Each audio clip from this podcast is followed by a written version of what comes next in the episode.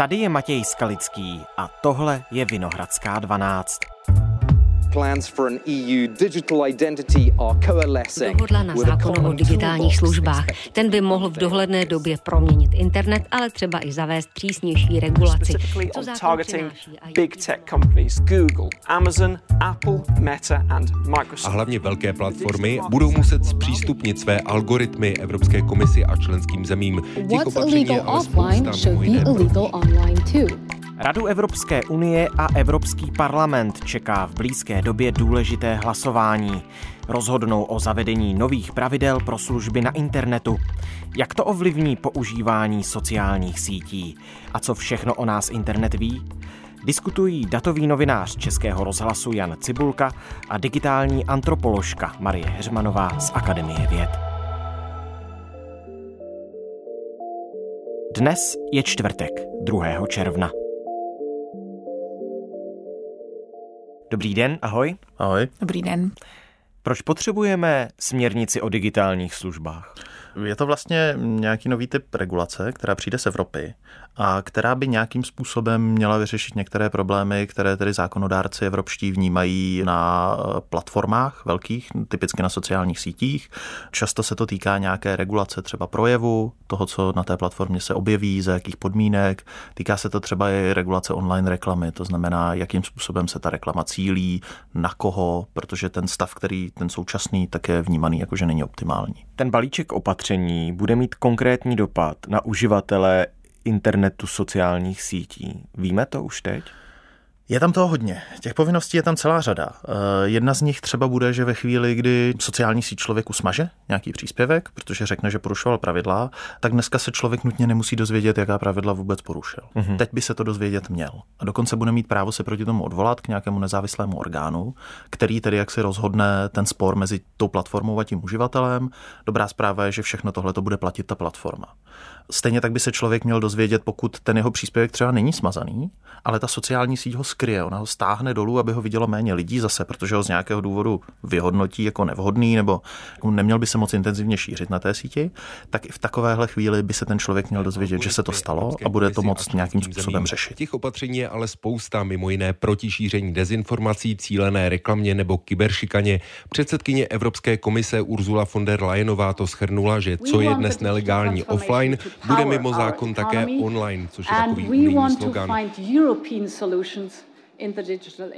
Ono vlastně cílem té směrnice, tak jak to popisuje, i třeba ta tisková zpráva, která k tomu vyšla, je v podstatě nějakým způsobem narovnat nějakou určitou jakoby mocenskou nerovnost mezi těmi platformy a těmi uživateli a v podstatě dát větší důraz na ty uživatele samotné, aby oni měli větší kontrolu nad tím, co na té platformě vidí a právě třeba nad tím, jak ta platforma kontroluje ten obsah, který oni sami vytvářejí. Ale samozřejmě to znamená docela jakoby velký důraz na nějakou gramotnost ze strany těch uživatelů, aby oni zase se v tom dokázali zorientovat, aby oni dokázali pochopit ty postupy, aby oni eh, věděli, co jsou ta jejich práva. A tam si myslím, že bude zase docela poměrně podstatné, jakým způsobem k tomu přistoupí ty legislativci třeba v České republice, jakým způsobem se to potom nastaví na té národní úrovni. Takže Evropská unie, jestli to chápu správně, se rozhodla vnést větší transparentnost do toho silně podnikatelského prostředí sociálních sítí. Minimálně je to tak prezentováno. Spousta lidí neví, proč ta sociální síť funguje nějakým způsobem, proč dostali třeba na týden zakázáno postovat na Facebooku, dostanou jenom nějakou jako velmi obecnou odpověď, že porušili pravidla platformy, neví jaká, neví, co konkrétně prostě vyvedli. Často prostě to označení je chybné že ten člověk prostě nic nevyvedl, ale nějaký algoritmus se prostě spletl, ta ruční kontrola taky není příliš pečlivá. To znamená, že nově by se to člověk dozvědět měl a má i způsob to tedy nějakým způsobem rozporovat. Zároveň ta platforma to bude muset hlásit do nějaké centrální databáze, to stažení toho obsahu, který bude končit právě zase u těch evropských orgánů. A e, bude docházet potom k nějakému vyhodnocování, zdali teda ta platforma třeba upřednostňuje nějaký typ obsahu, zdali se snaží nějakým způsobem třeba i nevědomky nebo prostě s ohledem na to, jaký má business model, tak jestli třeba někam neposouvá veřejné mínění. Což je zase spousta lidí obvinuje prostě sociální sítě typu Twitter nebo Facebook, že nadržují liberálům nebo konzervativcům nebo někomu, ale s jistotou to vlastně nevíme, protože my nevíme, co ta platforma v jaké míře maže, v jaké míře to schovává. Často se ty uživatelé ani nedozví, že třeba ten jejich příspěvek není smazaný, ale je stažený, že ho vidí minimum těch ostatních uživatelů. On se může algoritmus splést. Tohle je vlastně hrozně dobrá vykupávací otázka, jestli se může algoritmus splést. Já myslím, že jako on funguje nějaké takové všeobecné přesvědčení jako mýtus, že ten algoritmus je nějaká neomylná a hlavně neutrální entita, což samozřejmě není pravda, protože ty algoritmy samozřejmě programují lidé, takže ty algoritmy nejsou neomylné, nejsou ani neutrální, existuje docela dobře popsaný jev, kterému se říká algoritmický bias. Typický příklad, internet je plný jako vtipů, kdy prostě někdo naučil algoritmus, aby rozpoznával kočky a teď ten algoritmus je strašně spolehlivý a pak najednou prostě na fotce kaktusu řekne, že je to kočka. Hmm.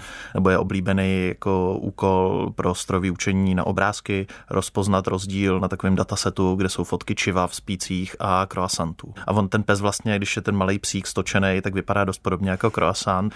Takže ten algoritmus se právě může plést často a velmi často se plete a často jako velmi humorným způsobem, že prostě člověk ten rohlík od toho psa velmi snadno jako odliší. Tohle je vlastně docela dobrá ilustrace, ale ono to může mít i jako uh, různé jiné implikace, kdy uh, jeden výzkumník třeba zkoušel tam zadávat různá témata, která jsou víc politická, když třeba konkrétnímu programu, já jsem zapomněla teda, který to je, ono jich je víc, zadáte nějaká témata, která se týkají bezpečnosti a terorismu, tak všechny ty obrázky, které z toho vypadnou, tak obsahují Korán a odkazy na islám a obsahují lidi, kteří jsou tmaví a kteří mají na sobě oblečení, které teda odkazuje k islámské kultuře. Uh-huh. Takže tam je úplně jakoby evidentní, že už v tom algoritmu je právě zakodovaný ten bája z toho, že si představuje, že automaticky něco, co se týká bezpečnosti a terorismu, je třeba něco spojené s islámem bez jakékoliv vlastně další vstupní informace. Ty algoritmy prostě nejsou neutrální a my k ním nemůžeme přistupovat jako k neutrálním a neomylným. Je taky spoustu studií, které třeba popisují to, že tím, že většinu těch algoritmů, které třeba nějakým způsobem třídí obsah na sociálních sítích, programují lidé, kteří sedí v Silicon Valley, je to prostě určitá skupina lidí, kteří mají určité hodnoty, jsou v určitém věku. Většinou jsou to prostě bílí muži 30 plus, kteří žijí v Kalifornii, takže ty jejich hodnoty nejsou reprezentativní pro, já nevím, střední třídu v Indii, řekněme. Takže je potřeba k tomu přistupovat postupovat, takže ten algoritmus umí to, co ho ty lidé naučí. Takže on sám o sobě je bezcený, že on, on se učí od těch lidí. Takže to si myslím, že je potřeba zdůraznit. Takže ano, algoritmus se určitě může splést a poměrně často to dělá. Vy jste se předtím ptali, jestli si myslíme, že ji potřebujeme. Já si třeba myslím, že je otázka, jak bude fungovat, ale myslím si, že minimálně nějaké pokusy o tu regulaci potřebujeme právě proto, že, že potřebujeme tu transparenci, že potřebujeme minimálně tlačit na to, abychom právě věděli, jaké ty procesy jsou zatím, jak to funguje, abychom dokázali rozpoznávat tady ty omily, abychom do toho dokázali vstupovat s nějakou snahou je nějakým způsobem narovnávat. Ono je to taky hodně poplatný tím, eh, jaký data vlastně dovnitř jdou. A to bude trošku problém, že i ve chvíli, kdy my budeme nějakým zákonem vyžadovat tedy transparentnost toho, jak ty věci fungují, tak ono je často velmi těžké popsat bez toho, aniž bychom viděli ta data, na kterých se to učilo. A ta samozřejmě nedostaneme. Respektive veřejnost pravděpodobně ne. Ta směrnice předpokládá, že by tam měl být zřízený nějaký přístup pro výzkumníky, kteří by se měli k těm datům následně tedy dostat za nějakých podmínek. Nakupují a hlavně velké platformy a za takové digitální zákon považuje ty, které mají víc než 45 milionů aktivních uživatelů měsíčně, budou muset zpřístupnit své algoritmy Evropské komisi a členským zemím. Technologičtí giganti, jako je Google, se snažili ovlivňovat legislativu legislativní proces do poslední chvíle a vynaložili přitom i nebývalé prostředky, aspoň podle amerického serveru. Doteďka, když takové snahy byly, třeba typicky Facebook, který začal zpřístupňovat nějaká data výzkumníkům, tak eh, víceméně všichni časem odpadli, protože to byl takový ten typický příklad té malicious compliance, tak to říct česky prostě trucovitého poslouchání. Hmm. Tedy ona ta platforma formálně splnila, co se po ní chtělo, ale udělala to způsobem, že se nepodařilo naplnit ten cíl. Že ta data a ty informace, ke kterým pustila ty výzkumníky, podniky, takže prostě nebyly příliš hodnotné. Ještě ke všemu je jako velmi ostře svazovala v tom, co s nimi smí dělat a jak ty výsledky smí publikovat. To znamená, pro nějaký nezávislý výzkum to prostě vhodné nebylo. Otázka je, jestli se tohle podaří nějakým způsobem tedy rozbít, aby opravdu, pokud ta kontrola nebo vůbec to pochopení společnosti o tom, jak to funguje, tak pokud má být nějak jako efektivní, tak minimálně ta výzkumná sféra musí dostat jako velmi, řeknu, privilegovaný přístup k těm informacím, aby mohli popsat ty problémy.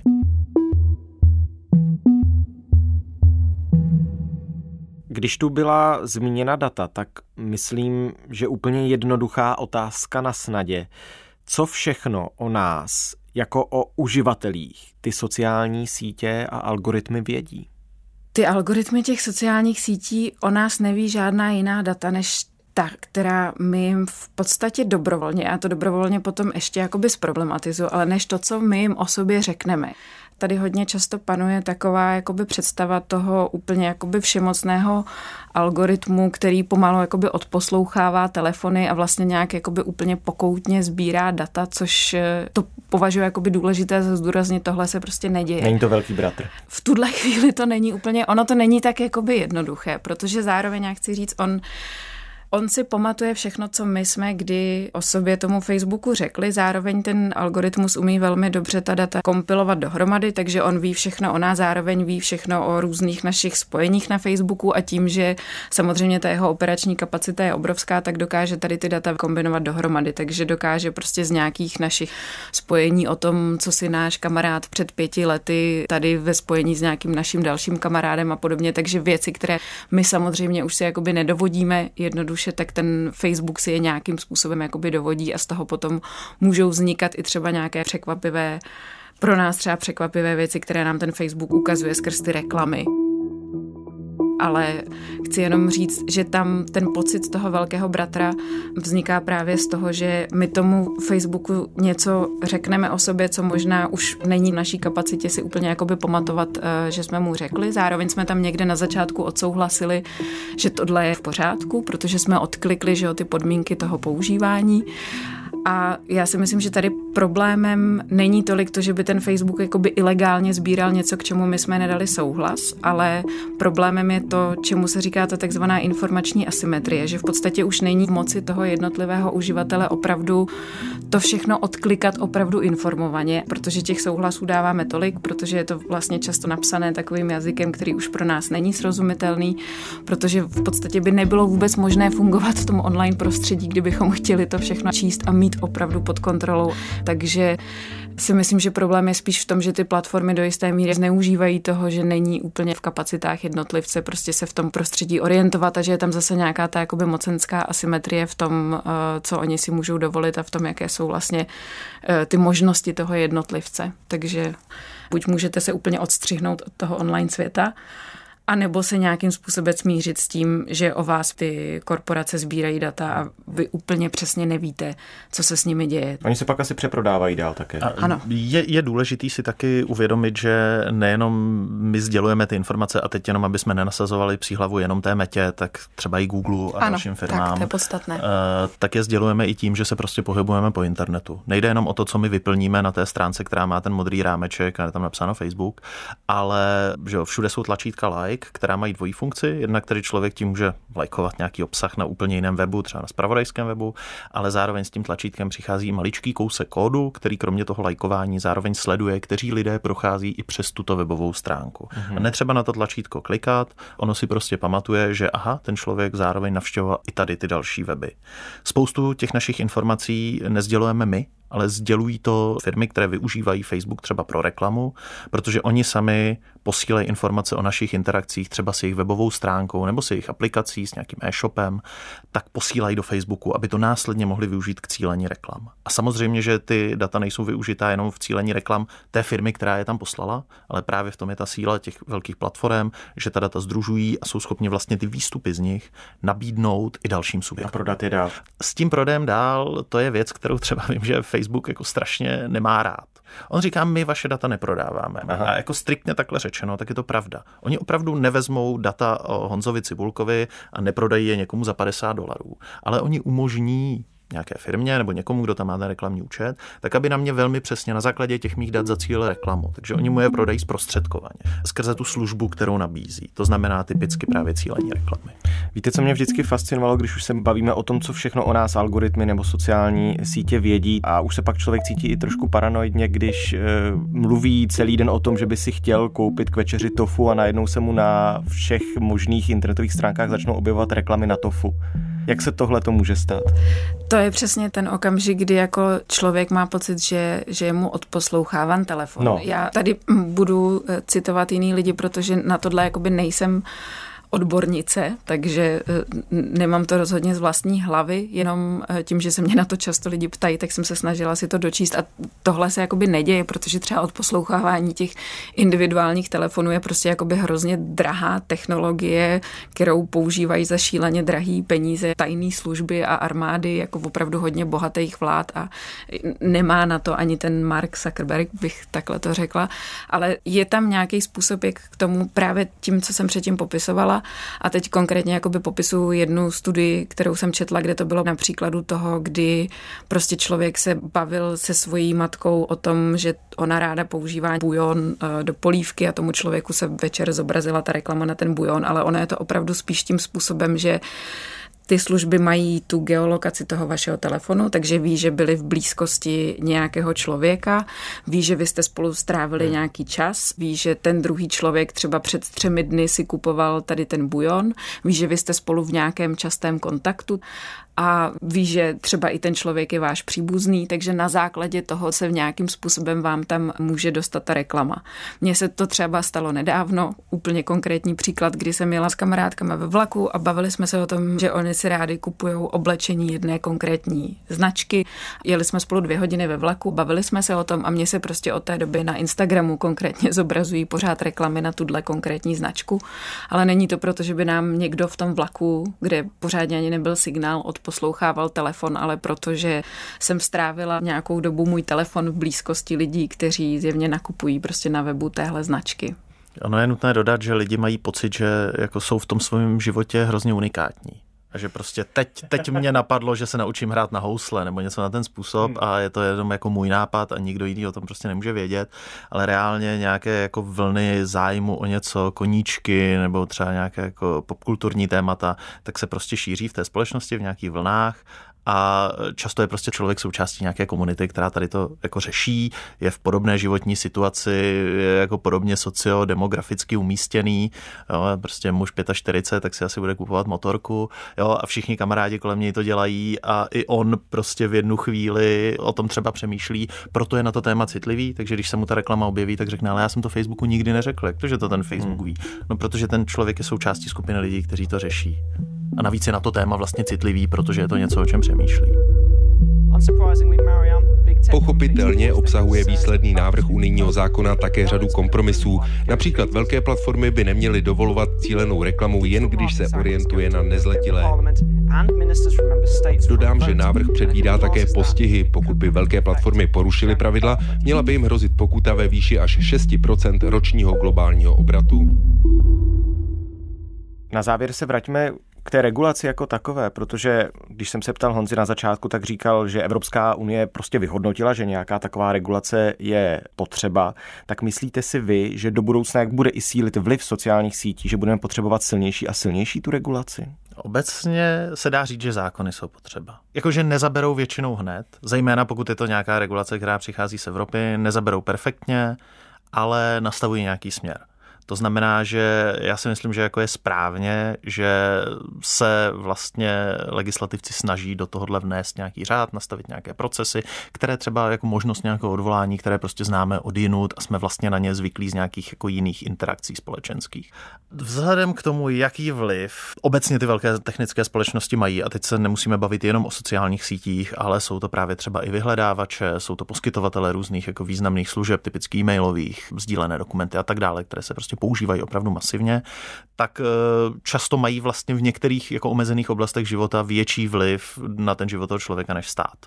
To znamená, že určitě minimálně srovnání řeknu té asymetrie, jak tady zmiňovala kolegyně, to znamená mezi tou silnou platformou a na druhé straně tím uživatelem, tak je určitě potřeba. Já bych s tímhle asi souhlasila a vlastně bych zdůraznila tu druhou část té věty, že když vidíme, a to je nějaký trend, který vidíme, že sílí, že prostě ty platformy a abychom zase nezůstali jenom prostě u té společnosti Meta, je to Google, ale je to třeba Amazon, prostě nějakým způsobem do jisté míry přebírají funkci veřejné infrastruktury. A my prostě, já si myslím, že je jako falešný takový ten argument, že pokud se ti to nelíbí, tak to prostě nepoužívej. Hmm. Tenhle argument přestává platit, protože spousta lidí do jisté míry prostě ty věci musí používat, do nějaké míry na nich závisí závisí. Ty platformy fakt jakoby plní funkci nějaké veřejné infrastruktury. Přesun mnoha věcí do digitální roviny lidem dává podle eh, komisařky Vestajerové moc jednak vědět, kdo jejich data používá, také rozhodovat, kdo a jak je může vůbec použít a také budou moci řešit mnoho svých zážitostí digitálně, třeba ve zdravotní péči, v jednání s úřady, v dopravě a tak podobně. Imagine using an EU-wide app to pay your bills, check in at an airport, rent a car or upload a medical file. You log in with a unique lifelong ID number. To some, this probably sounds very convenient, much like traveling easily across borders with a digital COVID certificate that's recognized everywhere. Aby si jejich obyvatelé osvojili dovednosti pro život ve světě, kde bude digitalizace, tedy bezpapírová komunikace, stále více pronikat do veřejných služeb, ale i do průmyslu, vzdělávání nebo také do zdravotnictví touto strategií. Takže pokud se s tímhle smíříme a pokud tenhle trend eh, bude posilovat, tak eh, já si myslím, že ta regulace určitě do jisté míry je prostě na místě, protože pokud lidi bez toho nebudou moc plně participovat na společnosti, tak je prostě nutné, abychom nastavili nějaká pravidla, abychom věděli, že se tam všichni můžeme pohybovat bezpečně a že tam všichni máme vlastně zajištěné nějaké do jisté míry jako rovné prostředí, ve kterém jsme si vědomi toho, jaké tam máme práva, jaké tam máme povinnosti. A to se v tuhle chvíli neděje. Zase otázka je, jakým způsobem, jak se to projeví, jak to bude fungovat a jak už tady padlo, ono to vždycky trvá několik let, než vlastně jsme schopni vyhodnotit, jak to funguje, ale já to za sebe vnímám jako pozitivní krok, že je tady vlastně pokus o to nějakým způsobem ty pravidla nastavit. Tak moc krát díky za podnětnou a bohatou diskuzi na aktuální téma. Já taky děkuju. Měj se. Tohle je už všechno z Vinohradské 12, z pravodajského podcastu Českého rozhlasu. U jednoho stolu se dnes sešli datový novinář Českého rozhlasu Jan Cibulka a Marie Heřmanová, digitální antropoložka ze Sociologického ústavu Akademie věd. Poslouchali jste jejich debatu na téma regulace sociálních sítí a nová evropská pravidla pro služby na internetu. Další epizody našeho podcastu si můžete poslechnout třeba na webu iRozhlas.cz. Jsme také v aplikaci Můj rozhlas.cz. Psát nám můžete na e-mail vinohradská12 zavináč rozhlas.cz. Naslyšenou zítra.